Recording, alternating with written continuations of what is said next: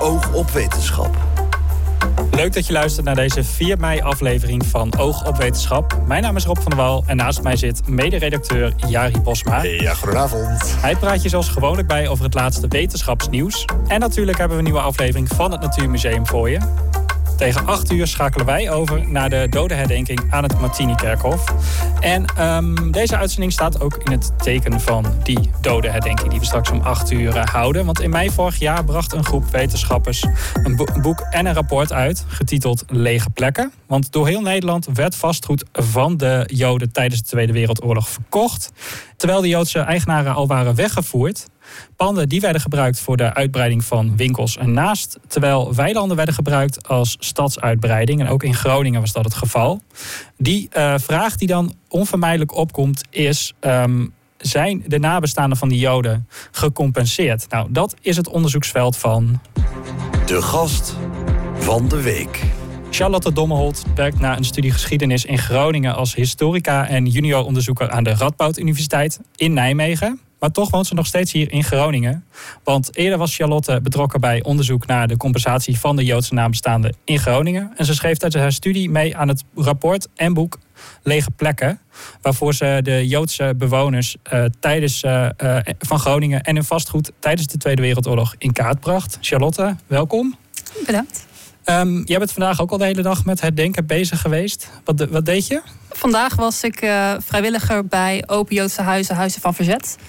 Dat is een uh, landelijk herdenkingsevenement, wat ook in Groningen wordt georganiseerd, waarbij um, nabestaanden, maar ook nog mensen die de oorlog zelf hebben meegemaakt, uh, maar ook, ook studenten, het verhaal vertellen van mensen die de oorlog vaak niet hebben overleefd. Dus van uh, Joden, maar ook van verzetslieden.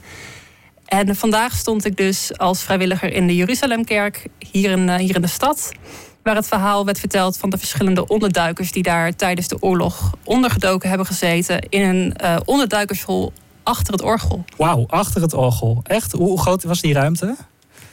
Um, was ongeveer vier meter lang. En nou ja, ik kon er niet staan. Dus het zal een, meter of uh, zal ongeveer anderhalve meter hoog zijn geweest. Oké, okay. ja. wauw. Dat, uh, dat lijkt me nogal wat om daar uh, te zitten. Um, het rapport en ook het boek waar we het over gaan hebben, dat heet Lege Plekken. Van waar die titel eigenlijk? Dat gaat om de lege plekken die de, die de Joodse stadjes hebben achtergelaten in, uh, in Groningen. Want van de Joodse gemeenschap die hier in Groningen voor de oorlog was, een, uh, ongeveer een kleine 3000 mensen, zijn na de oorlog nou, ongeveer uh, 230, 240 mensen teruggekeerd. Dus dat is, een, dat is heel weinig. Die mensen die hadden vastgoed hier in Groningen. Um, um, waar, waar is dat vastgoed gebleven eigenlijk? Dat vastgoed dat is in veel gevallen tijdens de bezetting onteigend door de, door de Duitse bezetter. En in veel uh, gevallen is het daarna ook verkocht. En um, verkocht aan, uh, ja, gewoon aan burgers vaak. Ja, Ik, ik, ik, wist dat niet eh, van tevoren, maar het was wel ineens aandacht voor. Maar waar, waar komt die aandacht ineens vandaan voor uh, dit? Uh, vanuit nabestaanden is er, uh, is, is er geregeld de, de vraag gekomen wat er met het, uh, het vastgoed van hun familie is gebeurd, omdat dat, dat vaak gewoon niet duidelijk was. Maar ook het onderzoeksprogramma Pointer heeft hier in 2020 een aflevering aan, aan gewijd. Waardoor uh, dat, dat balletje eigenlijk is gaan rollen. En bij uh, in, in, veel gemeenten nu dat onderzoek is uitgevoerd of wordt uitgevoerd. Dus voor zover wij weten is nu in 135 gemeenten het onderzoek uitgevoerd of is het onderzoek gaande. Wauw. Aan, aan, aan wat voor mensen zijn die panden dan verkocht? Dat, dat verschilt best wel. Um, er zijn bijvoorbeeld mensen die, die bakker waren en het pand naast hun was uh, was zo'n pand van Joodse eigenaren dat kwam leeg te staan. Zij wilden de bakkerij uitbreiden en kochten daarom dat pand. Maar er zijn ook mensen die nogal opportunistisch waren, dachten: Nou, wij kunnen hier veel geld aan verdienen. Die meerdere panden opkochten en dan ook weer snel doorverkochten, waardoor zij er winst op maakten. Um, ja, dus dat, dat verschilt wel een beetje. Er zijn mensen met verschillende, uh, nou ja, verschillende ideeën geweest om, om, om die panden te kopen. Ja. ja. ja. En, en om hoeveel panden ging het totaal in Groningen? In Groningen ging het rond de rond 260 panden die wij hebben onderzocht. Ja. Dat is niet niks, nee. Nee, nee, inderdaad. Uh, waar bleef het geld voor de koop, vraag ik mij dan toch af. Want als je een koper hebt, dan heb je een koopbedrag... en dan heb je ook iemand die dat geld krijgt, toch? Ja, ja dat, dat geld dat, uh, dat ging richting uh, de bezetter. Oké, we, hadden het net, we hadden het net even over mensen die kochten het om allerlei redenen. Ook om door te verkopen dus. Um, ja, ik, ik kan me dat wel, wel voorstellen. Weet je ook wat er na de oorlog gebeurde met dat, met dat vastgoed? Nou, dat kwam in veel gevallen uh, in uh, het beheer van het, het Nederlands Beheersinstituut. Dus na uh, 1945 werden al die kopen werden ongeldig verklaard, omdat ze allemaal door, nou ja, onteigend waren door de bezetter. Dus, dus de bakker die een extra stukje pand had gekocht, die moest zijn pand weer, weer inleveren? Of ging het niet zo? Nou, dat ging niet helemaal zo. Um, er kwam een, vaak een, een bewindvoerder op te staan. Uh, voor, zo'n, uh, voor een Joodse familie. En dan, dan moest dus eigenlijk een onderzoek plaatsvinden van hoe, hoe is dat allemaal verlopen. Maar dan moest de Joodse eigenaar of nabestaande van de eigenaar moest een aanvraag indienen voor wat dan heet rechtsherstel. Dus als de Joodse eigenaar dat niet deed, of nabestaande, dan kan het zo zijn geweest dat die panden ook in bezit bleven van zo'n oorlogskoper. Zoals oh, we dat dan aanduiden. Het voelt als best wel een starre, starre houding. Best wel volgens, uh, volgens regeltjes en niet heel. Uh... Ja, dat, dat, uh, ja dat, dat was een, een behoorlijk strenge regelgeving. En ook niet gericht op, op, die, op die Joodse eigenaren en wat zij allemaal hadden meegemaakt. Nee. Het initiatief moest echt komen vanuit, vanuit de Joodse eigenaren. Okay. dan, dan denk ik van de gemeente, die heeft er ook een behoorlijke rol in gespeeld waarschijnlijk. Maar wat was, wat was hun houding in het hele verhaal? De gemeente, en dat, dat gaat om de gemeente uh, Groningen, Haren, Hoogkerk en, en Ten Boer. Dus we hebben de huidige gemeente Groningen in dit geval onderzocht. Um, daaruit kunnen we concluderen dat zij faciliterend zijn geweest. Dus ze hebben veel toegelaten, om het maar zo te zeggen. Dus uh, om te zeggen van, nou, ze hebben hier zelf. Uh, ze zijn zelf heel actief bezig geweest met het, uh, bijvoorbeeld het, het, uitvoeren van verordeningen. Nou, dat, dat is te sterk gesteld, maar ze lieten het wel vaak toe. Maar dat, dat is een beeld dat, dat we zien in heel veel gemeenten. Okay. Een hele faciliterende houding. Er was de bedoeling dat het, um, de banden die ze gekocht zijn tijdens de oorlog weer teruggingen. Is dat in hoeveel gevallen is dat gebeurd? In veel gevallen. Dat gaat echt wel rond, uh, rond de 95 procent. In, in de gemeente Groningen is.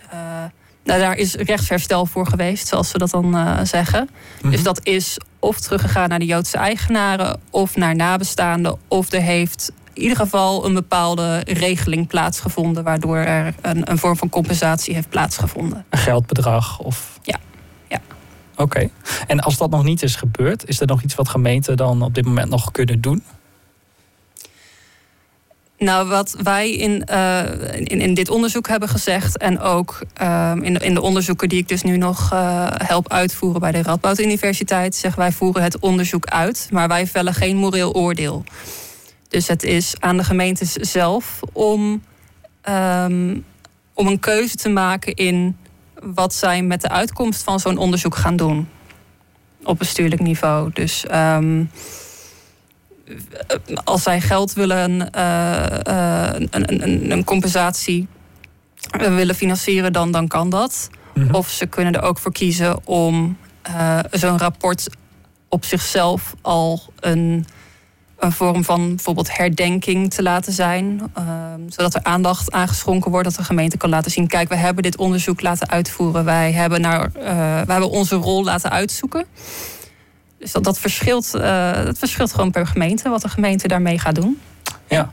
Oké, straks praten we verder over het verkochte vastgoed van de Joden. En gaan we het ook hebben over jouw onderzoek in Groningen specifiek. Maar eerst is het tijd voor het Wetenschapsnieuws. Opvallend wetenschapsnieuws, want redacteur Jari is in de afgelopen week op zoek gegaan naar bijzonder nieuws uit de Groningse wetenschap. Ja, Jari, wat uh, viel jou allemaal op? Ja, een hele goede avond, beste luisteraars. Um, tijdens deze thema-uitzending leek het me een goed idee om even wat snel wat ademruimte te creëren. Daarom heb ik een paar luchtige stukjes nieuws voor jullie verzameld. Hou het luchtig. Uh, we houden het luchtig vandaag en we trappen deze editie af uh, met een beetje lullig nieuws. Um, in letterlijke zin dit keer, want het Universiteitsmuseum in Stad maakte bekend dat op 26 mei de tentoonstelling Valles, Norm en Vorm opent. De tentoonstelling, ontwikkeld door het Universiteitsmuseum in, de, in het Belgische Gent, neemt de bezoeker mee langs uh, onze ideeën over geslacht, gender, wetenschap en normen. De penis is overal. Waar mensen, waar mensen ook komen, uh, uh, de, de kromme vorm duikt overal op. In de oertijd met de rotstekeningen, in tekeningen op de wc-deuren of als de welbekende dickpics op de sociale media. Um, in, de wetenschappelijk, in het wetenschappelijk onderzoek komt het uh, mannelijk geslachtsdeel ook regelmatig uitgebreid aan bod. In de tentoonstelling hoopt het museum middels het werk van uh, kunstenaars en wetenschappers antwoord te geven op vragen over het mannelijk geslachtsdeel. Vragen zoals: wie bepaalt wat normaal is? Is groot echt beter? Kunnen we via onderzoek op de penis ook genot meten? En, wat maakt, en maakt de piemel de man? Of is dat te simpel gedacht? Vanaf 26 mei dus te zien in Universiteitsmuseum Groningen. En voor meer informatie kunt u terecht op rug.nl slash museum. Het volgende item is er eentje in de categorie Poh, dat is dapper. Uh, vier onderzoekers van het UMCG stappen dinsdag 16 mei namelijk in Groningen op de fiets... om hopelijk vier dagen later in Praag aan te komen.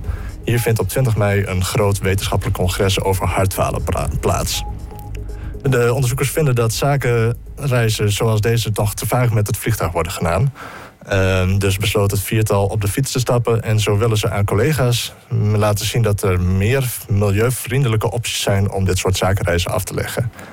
Als het congres voorbij is, stapt het viertal niet opnieuw op de fiets. Dus ze gaan voor een deel met de trein en een deel uh, rijden ze mee met de volgauto's die hen op de heenweg ondersteunen. Ik wil zeggen, want als je op de terugweg ook nog met de fiets gaat, dan ben jij acht dagen bezig voor een congres van, ja. uh, van één dag. En ze worden natuurlijk ook weer gewoon gemist op het lab en op kantoor. Maar wel fijn dat ze een keer dat vliegtuig willen vermijden. Inderdaad. Nou, en naast het stukje bewustwording dat de onderzoekers willen creëren, uh, zamelen ze met deze actie ook geld in. En met het geld willen ze de CO2-uitstoot van de congresbezoekers die wel het vliegtuig pakken compenseren. Voor meer informatie hierover uh, verwijs ik u graag door naar het artikel dat afgelopen vrijdag, dus op 28 april, werd gepubliceerd op oogtv.nl. En alweer tot slot nog een actie waar u zelf weer aan mee kunt doen. Uh, tenminste, als u in de gemeente Het Hoge Land woont. Uh, hier missen namelijk een aantal meetpunten voor de fijnstofmeting die in 2019 startte. Ik hoop dat wij uh, Hogelandster uh, luisteraars hebben. Ja, inderdaad. Deze. Of misschien dat, men, dat onze luisteraars in stad mensen uit het Hoge Land kennen. Ja, in ieder geval. Door. In het project Onze Lucht meten zo'n duizend burgerwetenschappers in heel Noord-Nederland, dus mensen zoals u en ik, de luchtkwaliteit met zelfgebouwde fijnstofmeters. Uh, zo krijgen de deelnemers inzicht in de luchtkwaliteit in hun leefomgeving. De kosten voor de sensors zijn 25 euro en de sensoren worden gebouwd tijdens een workshop bij een bibliotheek bij u in de buurt. De rug wil graag meetpunten opzetten binnen specifieke postcodes. Dus bent u of kent u iemand die geïnteresseerd is en wilt u weten of uw postcode in aanmerking komt? Kijk dan al eens op onzelucht.nl voor alle details. Dankjewel, Jari. Graag gedaan. Oog op wetenschap. In de studio is historica uh, Charlotte Dommeholt. En met haar hebben we het over onteigend Joods vastgoed. Oftewel panden en stukken grond die van Joden waren, maar in de Tweede Wereldoorlog zijn verkocht. Uh, Charlotte die onderzocht wat er na de oorlog met dat vastgoed gebeurde. Uh, Charlotte, even voor een beeld. Hoe groot was die Joodse gemeenschap in Groningen voor de Tweede Wereldoorlog? Voor de Tweede Wereldoorlog ging het om een kleine 3000 mensen. En wat is daar nog uh, van over? Ruim 200 in 1947 uit mijn hoofd. En dat zijn er tegenwoordig minder. Ja, oh, dat is uh, nogal, een, uh, nogal een kaalslag. Maar er staat nog wel een synagoge in de stad, dus je ziet ze nog wel. Ja, zeker. De, de synagoge is nog een zeer markant beeld in, in de straat. En... Um, Er worden ook nog, uh, niet, niet elke week, maar er worden nog wel diensten belegd. We hadden het voor uh, het wetenschapsnieuws al over uh, dat onderzoek naar rechtsherstel. Van, oftewel de compensatie van vastgoed dat is verkocht van Joden. Groningen wilde dat ook. Waarom wilde Groningen eigenlijk ook zo'n onderzoek? Dat had verschillende redenen. er waren verschillende nabestaanden die met die vraag bij de gemeente waren aangeklopt. Maar de gemeente was zelf ook zeer geïnteresseerd in wat de, uh, wat de rol uh, zou zijn geweest. En ook het onderzoeksprogramma Pointer. Dat heeft daar ook een, een, hand in gehad, want die heeft daar ook, uh, ook bij de gemeente Groningen aangeklopt. Gezegd, hé, hey, moeten jullie niet ook eens gaan ja, onderzoeken? Ja, zouden jullie hier ook niet eens aandacht aan gaan besteden? Ja, ja en dat hebben ze toen gedaan. Hoe zijn ze met dat onderzoek begonnen? Um, nou ja, er zijn verschillende onderzoekers gevraagd. En er is een vooronderzoek geweest. En uiteindelijk is daar een, een onderzoeksopzet uit voortgekomen. In, uh, met, met, met hoe het onderzoek uh, werd opgezet. Welke vragen zouden worden beantwoord. Welke methode zou worden gebruikt. En toen is in februari 2021, dus dat is nu ruim twee jaar geleden. Toen zijn we van start gegaan met dat onderzoek.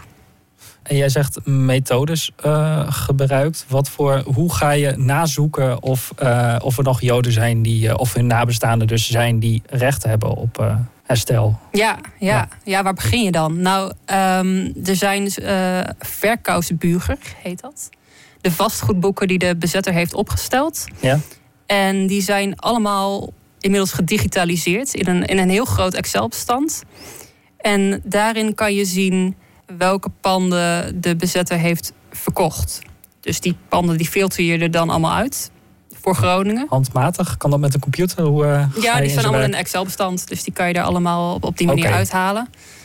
Um, en dan ga je al die panden nazoeken in het kadaster. En uh, nou, die verkoopsburen zijn niet helemaal compleet meer. Dus dan ga je ook andere methoden toepassen. Dus uh, soms uh, dat heet dan een, een, een leggerartikel, waar dan de naam op staat van de, van de eigenaar en de, het, het vastgoed dat hij of zij in bezit had.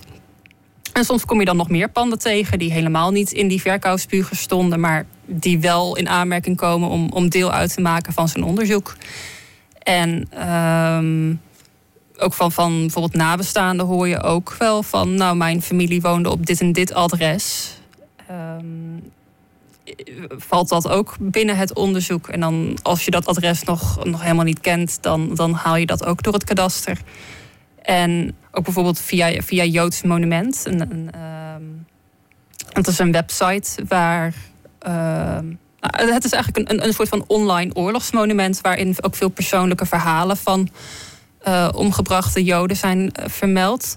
Maar op die site staan ook de laatst bekende adressen van deze, van deze mensen. Dus als je dan um, gaat kijken bij Groningen, dan kan je daar ook, ook nieuwe adressen aantreffen die je bijvoorbeeld nog niet in, uh, in, je, in je corpusbestand had zitten. Dus op die manier verzamel je zoveel mogelijk adressen. Ja, en ben jij ook zelf de, de archieven in geweest? Nou, de archieven kwamen naar ons toe. Want oh, het, was, uh, het was coronatijd op het moment dat wij uh, dit onderzoek uitvoerden. Ah. En uh, we hadden goed, goed contact met, met Albert Beuzen van de, van de Groninger Archieven. En ja, hij heeft ons daar ook heel erg goed in, in, in, geholpen. Om, om dan, omdat de Groninger archieven of gesloten of grotendeels gesloten waren in die periode. Om ook, ook archiefstukken naar het kantoor te brengen waar wij werkten. En dat was nou ja, een, eh, een paar honderd meter verderop. Ah, een, dus, een, kantoor van de, van de rug van de gemeente? Van de gemeente Groningen. Ja, dus daar hebben wij uh, dat onderzoek kunnen uitvoeren. En uh, ja. Ja, ja, corona bemoeilijkte dat dus. Maar daar, daar is dus een hele fijne oplossing voor gevonden. Wat aardig. Zeker. Wat aardig, ja. ja. Um, uh, het ging om 260 woningen of 260 panden misschien moet ik misschien zeggen, in totaal in Groningen. Is dat veel in vergelijking met andere gemeenten in Nederland? Ja, dat ligt er ook aan hoe groot, uh, hoe groot die gemeenten zijn. Um, uh, bijvoorbeeld nu doe ik ook onderzoek naar gemeenten waar het bijvoorbeeld gaat om, om, om twee, um, twee panden. En dan is het qua oppervlakte een grotere gemeente dan bijvoorbeeld Groningen. er zijn maar twee panden onteigend in die uh, gemeente. Nou ja, dat, dat, ja, dat gebeurt soms. Ja. Ja, ja. Maar in, in Groningen ging het dus om 260. En dat is voor mij tot nu toe ook de, de grootste gemeente waar ik aan, eh, aan mee heb gewerkt Oh. voor onderzoek. Ja. Weet je hoe het kan dat het er zoveel in Groningen zijn geweest? Ik kan me voorstellen, een grote Joodse gemeenschap. Maar... Ja, ja, Groningen had een grote, grote Joodse gemeenschap. En eh, dat betekent niet dat al deze mensen koopwoningen hadden. Dat, dat is zeker niet het geval geweest. Dus er waren ook heel veel mensen die gewoon in een huurwoning woonden. Maar een, een, ja, er waren relatief een, eh, wat, wat, wat koopwoningen. Maar ehm, ja, en in vergelijking met andere steden is dat ook weer wat, wat moeilijk aan te geven. Omdat het dus ehm, per gemeente ook zo verschilt. En dat soms ook behoorlijk moeilijk uit te zoeken is. Dus bijvoorbeeld voor, ehm, voor, voor Rotterdam, daar is ook een, een heel groot deel van de, van, de, van de stad tijdens de oorlog verwoest. Ja, hoe, hoe ga je dat allemaal nazoeken? Welke panden stonden daar? eh? Ja, Ja, ja dat, is- dat, dat, dat wordt heel ingewikkeld.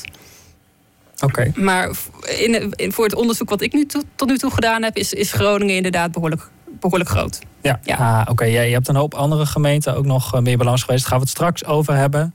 Waar we het ook straks gaan over, hebben, eh, over gaan hebben, ehm, is het eh, boek dat bij het rapport hoorde. Maar ik wil eerst even naar het rapport zelf. Want er staat bij elk hoofdstuk staat een persoonlijk verhaaltje of een paar quotes. Waarom is dat eigenlijk? Nou, als je dit voor het onderzoek doet, dan is het makkelijk om je verzeild te raken in kadastergegevens, in cijfertjes, in statistiek. Maar uiteindelijk gaat het toch om de mensen die, die erachter zitten. Ehm, dus daarom hebben we er ook voor gekozen om tussen elk hoofdstuk een, een, een kort hoofdstuk aan te brengen met een persoonlijk verhaal dat past bij het hoofdstuk. Dus eh, bij het hoofdstuk over landbouwgronden is het persoonlijke verhaal ook een, een, een verhaal over, eh, over de heer Nathans uit Haren, die, eh, die een landbouwer was. Mhm. En je hebt ook een paar van die citaten uitgezocht die je wel graag wilde eh, voorlezen. Ik zou zeggen, Ja, dat, dat zijn, die zijn uit het boek. die zijn uit het boek. Ja, Oké. dus dat, dat om gaat over. eh, dat, dat gaat om, eh, ja, om, om de terugkeer van, eh, van Joden na de oorlog. Dus die ehm, terugkeerden naar een stad die anders was dan die zij hadden achtergelaten. Waar zij dus eh, niet altijd ehm, nou, zich meer thuis voelden, ook, Mhm. ook na de oorlog. Zal ik daar een, eh, een aantal stukken uit voorlezen? Ja. Ehm, nog voor de context, dit, dit, ehm, dit komt uit het boek Lege Plekken. Groningen en zijn Joodse stadjes in en na de oorlog. En dit hoofdstuk, eh, terugkeer, opvang en zorg met lege handen in een stille stad, heb ik eh, samen met Renske van Donk geschreven en, en het onderzoek voor gedaan. En dat hoofdstuk begint als volgt. Toen we in Groningen aankwamen, het eerste wat we zagen was dat de binnenstad in puin lag. Toen werden wij gebracht naar de harmonie. Want ons eigen huis, daar zetten andere mensen in. En dat was een, een citaat van Jacobus Valk. De ontvangst was cool. We werden in een school ondergebracht. Weer veel vrouwen bij elkaar. En dat was nu net te veel. Er was niemand die een paar woorden van welkom zei. Dat is een citaat van Miriam Kelner de Liever. Nog de overheid, nog de gemeente of een andere organisatie reikte ons een helpende hand. En dat werd eh, geschreven door Salah Garbar Zimet. En nog een laatste citaat. Direct de straat opgelopen en toen zeiden daar mensen... Kijk eens, daar lopen ook alweer Joden. Dat is me altijd bijgebleven. En dat schreef Irene Grunewald Hertog. Jeetje, dan, dan begint het ook meteen weer te leven als je dat zo vertelt. Ja, ja, dus dat dan. dan ehm, dit is dus het, uit het vervolgonderzoek, maar dan worden alle. Eh, al, al, het, al het meer statistiek onderzoek, alle de, de, de mensen met een, een, een, een, eh, kadaster leggen met een, een cijfertje, zeg maar, dan wordt dit opeens juist heel persoonlijk. Ja. In plaats van dat het, eh, dat het wat verder op de achtergrond blijft. Ja. Wat mij ook opviel, die houding is bes- best wel cool. Die mensen werden best wel, best wel afstandelijk behandeld als ik die, nou ja, die citaten van jou zo hoor. Ja, dat klopt. Ehm, dat, zo, zo voelden mensen dat wel. Ehm, ja, Groningen had best wat uh, verwoestingen, met wat verwoestingen te maken gehad tijdens de bevrijding. Dus op, de grote markt is, uh, is best wel veel uh, gevochten. Er is er sowieso veel gevochten om Groningen. Dus de, de Groningers hadden zelf ook best wel wat meegemaakt. Um, ja, denk je dat, ja. dat, dat, dat nog invloed gehad kan hebben? Zijn de mensen harder geworden misschien rond die tijd? Of ik denk dat mensen wel, omdat ze best, best wel wat hadden meegemaakt, daar wel wat harder in zijn geworden. Maar ook, um, kijk, Groningen had het, had dan misschien minder te lijden onder de oorlog dan uh, bijvoorbeeld Amsterdam of andere steden in de Randstad, die ook de hongerwinter nog hadden meegemaakt. Maar de Groningers hadden het ook niet makkelijk gehad. En toen er dus allerlei groepen na de oorlog weer terugkeerde naar Groningen. Dus uh, dat noemen we dan repatrianten. Dus bijvoorbeeld uh, ex-krijgsgevangenen. Uh, maar ook, ook Joden. Dat zorgde dus toch weer voor extra mensen die ook verzorgd moesten worden. Die ook te eten moesten krijgen. En we weten vanuit die tijd dat er al heel weinig goederen waren. Er was een enorm woningtekort. Mm En dat was een landelijk het geval. Er waren, er, er waren te weinig kleren, er, was, er waren te weinig meubelen. Um, er was steeds minder voedsel. Dus de Groningers zagen het misschien ook wel als een, als een extra last. Uh, die nog kwam op de moeilijkheden die ze al hadden. En dat um, de mensen die dus terugkeerden, dus deze, deze Joden die terugkeerden, ook um, terugkeerden naar hun oude straat. En dan wonen dan bijvoorbeeld andere mensen in hun huis. Of uh, nou ja, een groot deel van de familie en vriendenkring die was weg. Dus ze kwamen ook gewoon in een hele andere stad terug dan die ze verlaten hadden. En ze voelden zich niet welkom. Uh, ondanks ook alles wat ze hadden meegemaakt. Dus ze hadden al zoveel meegemaakt. En mhm. dan kwamen ze ook nog terug zonder een, een, een warm welkom. Een hele, een hele optelsom eigenlijk. ja. ja. En naast de citaten uit, uit het boek dus, dat is misschien even goed om te zeggen inderdaad, want die twee uh, hebben we even door elkaar gehaald. Um, was er bij het rapport, waren ook uh, portretten van, uh, van mensen, als ik dat goed begreep? Ja, er zijn een aantal hoofdstukken tussen elk hoofdstuk zoals bijvoorbeeld over die landbouwgronden. En dan daarna komt een, een, een kort verhaal over een Joodse landbouwer uit de gemeente. Mm -hmm. Ja. En jij hebt die portretten gemaakt, begreep ik? Uh, of een deels. Aantal, deels. Ja, Oké, ja, ja, ja. ja. Uh, hoe, hoeveel? Um, nou, het is ook een deels samenwerking geweest. Dat bijvoorbeeld ik wat vooronderzoek heb gedaan en dat een collega het schreef. Maar eentje die ik wel zelf heb geschreven en heb onderzocht is het verhaal van Nico Goudsmit uit de Wassenbergstraat. Hij woonde daar met, uh, met zijn dochters en hij was gemengd gehuwd, zoals we dat dan noemen. Uh, dus hij, had een, hij was getrouwd met een, een niet-Joodse vrouw die later wel tot het Jodendom is bekeerd. En uh, op een gegeven moment is die woning is op naam van zijn dochters gezet. Dus die dochters waren officieel niet Joods, omdat ze gemengd, omdat uh, dat dochters waren die voortkwamen uit een, uit een gemengd huwelijk. En, en die Joodse lijn die loopt via de vrouw. Dus op die manier heeft de familie op een of andere manier die woning kunnen behouden. Dus dat was vast wel een, een interessant portret om, om dat te schrijven. Ah, oké. En, en hoe, hoe, was het om die verhalen uh, uh, op te zoeken? Want het waren dus huizen in Groningen, hè? Ja, ja. ja. Dus je kon er ook langs als je dat. Uh... Ja, dat is bij mij om de hoek. Ja, ja. Dus dat, dat was um, best wel indringend. Um, twee jaar geleden was ik zelf nog student. Dus ja, dan, dan doe je vaak ook anders voor het onderzoek. Dan doe je niet, niet onderzoek van dat dat eigenlijk al zo'n grote impact kan hebben.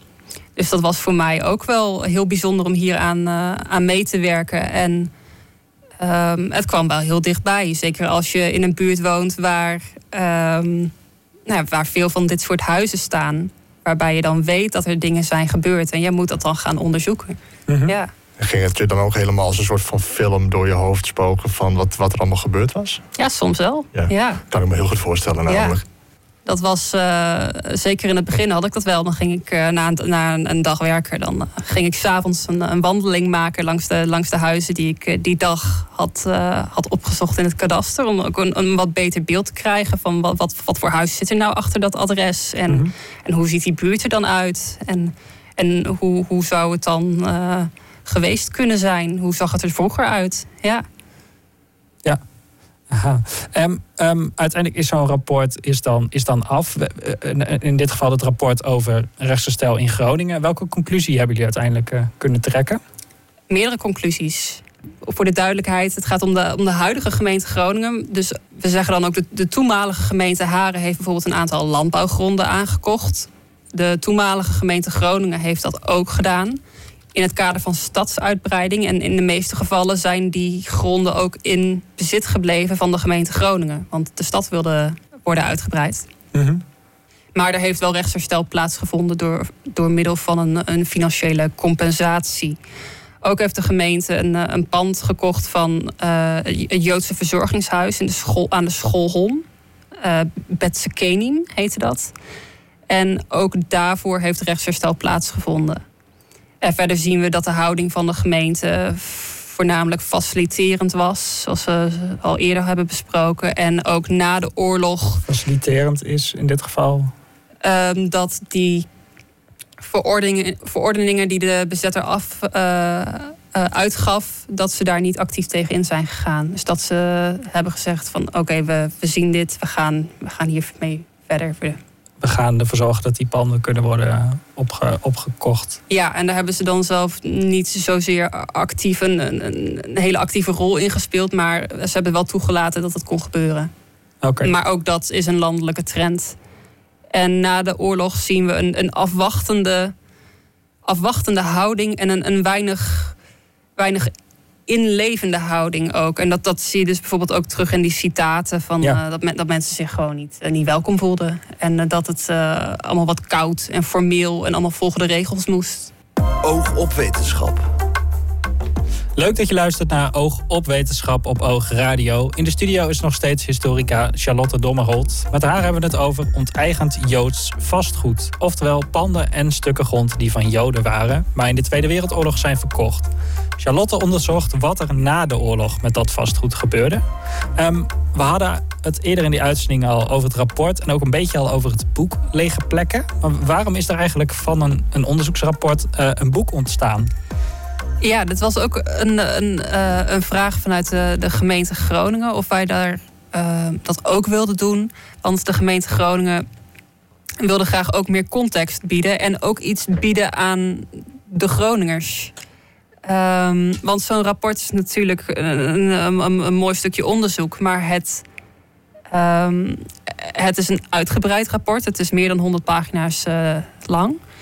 En ik kan me ook voorstellen dat het niet voor iedereen even makkelijk leesbaar nee, is. Nee, het is niet even iets waar je op een zaterdagmiddag voor gaat zitten misschien. Zo, althans, Nee, het is, nee, niet, iets wat werk, je, maar, uh... het is niet iets wat je s'avonds er nog even bijpakt als een, uh, als een stukje lectuur. Mm -hmm.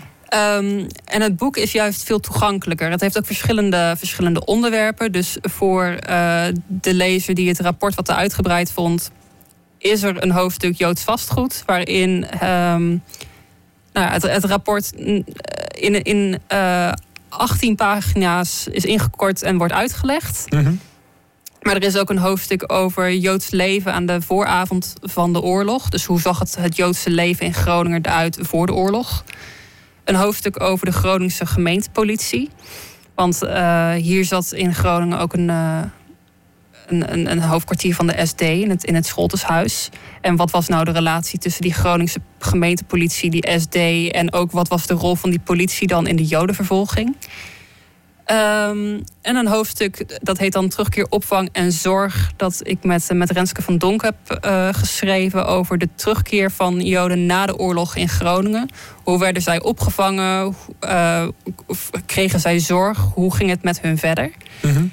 En nog een hoofdstuk over, over herinneringscultuur. Dus hoe gaan wij eigenlijk met dat Joodse verleden om? En ook als een, een, een dag van vandaag, 4 mei, hoe, hoe herdenken we dat dan? En um, er komen dus bijvoorbeeld um, een, een, aantal monumenten in, in Groningen ook aan bod. En ook de, de herinrichting van de, van de synagoge in de Volkingenstraat. En, Dat is een, eh, een, een heel stuk uitgebreider dan het... of Zeker. het- ja, ja, dat is breder dan het rapport. zeker. En het biedt ook eh, veel meer context eh, aan het rapport. Omdat het nou ja, ook, ook gaat over hoe zag die Joodse gemeenschap er dan voor de oorlog uit. En hoe ging het na de oorlog met de Joodse gemeenschap. En dan gaat het niet alleen maar over het vastgoed, maar ook over de mensen zelf. En ehm, er zitten quotes in. Het is eh, gezorgd dat het een beetje lekker leesbaar is. Ehm, is het ook een beetje wijd, eh, wijdverspreid te koop en misschien al verkocht? Zeker, het is eh, bij de, de Groningse boekhandelaren te koop. Ehm, en er is een, eh, een eerste oplage van, van 1500 boeken. Nou, hoeveel er zijn verkocht, dat weet ik niet. Ehm, maar het is zeker eh, goed verkrijgbaar. Nou, perfect. Ehm, een van die eh, eh, onderdelen van het eh, programma, van ons radioprogramma, is ook vraag van de gast van de vorige uitzending.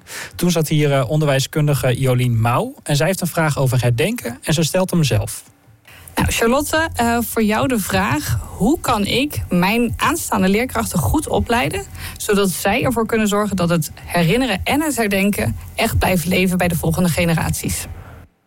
Ja, ten eerste wil ik zeggen dat ik het een hele goede vraag vind. Want het is ook een, een- vraag die, nou ja, die als historicus ook bezighoudt. Want hoe gaan wij hier in de toekomst eh, mee om? Want die oorlog die is, is inmiddels eh, ligt, ligt eh, vele jaren achter ons. En, en hoe zorg je dan dat je jonge generaties ook laat merken hoe belangrijk het is om dat te blijven herdenken? En ik denk dat het heel belangrijk is om eh, PABO-studenten. Zij, zij moeten eerst zelf ook voelen hoe belangrijk het is. Want als zij het zelf niet voelen, dan kunnen ze dat ook niet overbrengen aan hun eigen leerlingen in het basisonderwijs. Dus ik denk dat het bijvoorbeeld heel goed zou zijn om het zo persoonlijk mogelijk te maken. Dus met een, een herdenkingsevenement zoals vandaag. eh, Open Joodse Huizen, Huizen van Verzet. Dan wordt die herinnering heel persoonlijk gemaakt. Want het kan. Herinneren is zoiets vaak iets breeds. Waar denk je dan aan als je iemand moet herinneren? Oftewel, oftewel nodig je je eh, ja, oorlogsoverlevenden Ja. uit. Ga bij een monument langs. Maak het persoonlijk. Ja, ga de Ja. buurt in. eh, met- ook bijvoorbeeld met PABO-studenten. Ga Groningen in. En eh, kijk wat daar nog aan, aan, aan, aan oorlogsherinneringen zijn. zijn er, wat voor monumenten zijn er? Ehm, maak een rondwandeling door de Joodse buurt. Ehm, Bezoek de synagoge. Maar maak het, maak het persoonlijk en maak het, maak het ook eh, dat, dus, dat studenten echt kunnen zien hoe, hoe dat dan vroeger geweest zou kunnen zijn. Ja. Ehm, het rapport en het boek die kwamen inmiddels een jaar geleden uit. Eh, je bent zelf nog steeds bezig met onderzoek naar rechtsherstel. Wat doe jij nu? Wat voor werk? Ik doe eigenlijk nog steeds hetzelfde werk, maar dan eh, voor, de, voor de Radboud Universiteit in Nijmegen. Waarbij we voor verschillende gemeentes in Nederland onderzoeken wat hun rol is geweest bij de onteigening van Joods vastgoed. En het daarop volgende, volgende rechtsherstel. Dus Mhm. weer allerlei panden en gronden in het kadaster onderzoeken en heel veel archiefwerk. Heel veel archiefwerk. En voor hoeveel gemeenten in Nederland doe je zoiets? Ehm, op dit moment, en dan moet ik even goed tellen, het zijn er vijf, zes, zes is net afgerond. Eh, rond de zeven gemeentes op het moment. Ja. Ja. En krijg je dan ook wel eens eh, eh, vragen van, van particulieren? Of van, van mensen die, waarbij je in een gemeente bezig bent en dat ze dan ineens ook met iets komen? Of, Zeker, dat gebeurt zeker. Dat je contact krijgt, of dat contact met je wordt opgenomen door, door nabestaanden die vragen hebben over een bepaald pand. Want hun- dat hun familie daar hun, heeft gewoond. En dat zij bijvoorbeeld vragen om nog wat meer informatie. Of ook eh, vragen van hebben jullie dit pand wel opgenomen in het onderzoek? en kan je dat zomaar geven? Zeker, ja. ja dan, eh, dan nemen we wel contact op met, eh, met zo'n familie. Ehm, kijk, als zo'n rapport nog niet uit is of we zijn nog heel druk bezig met onderzoek, dan, dan nemen we het gewoon mee in het onderzoek. Maar dan houden we familie zeker wel op de hoogte. Ja. Ik kan me voorstellen dat ze dan ook best wel dankbaar eh, eh, kunnen zijn als je. ehm, eh, al- al- als, als, ze, nou ja, als, je, als ze iets voor je mogen. van je kunnen horen daarover.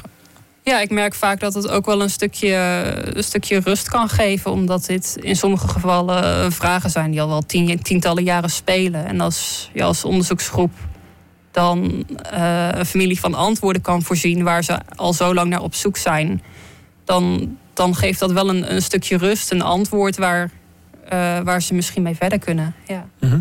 En waar eindigt dit onderzoek? Want op een gegeven moment zijn de, de Nederlandse gemeenten op natuurlijk. Gaan jullie zo lang door?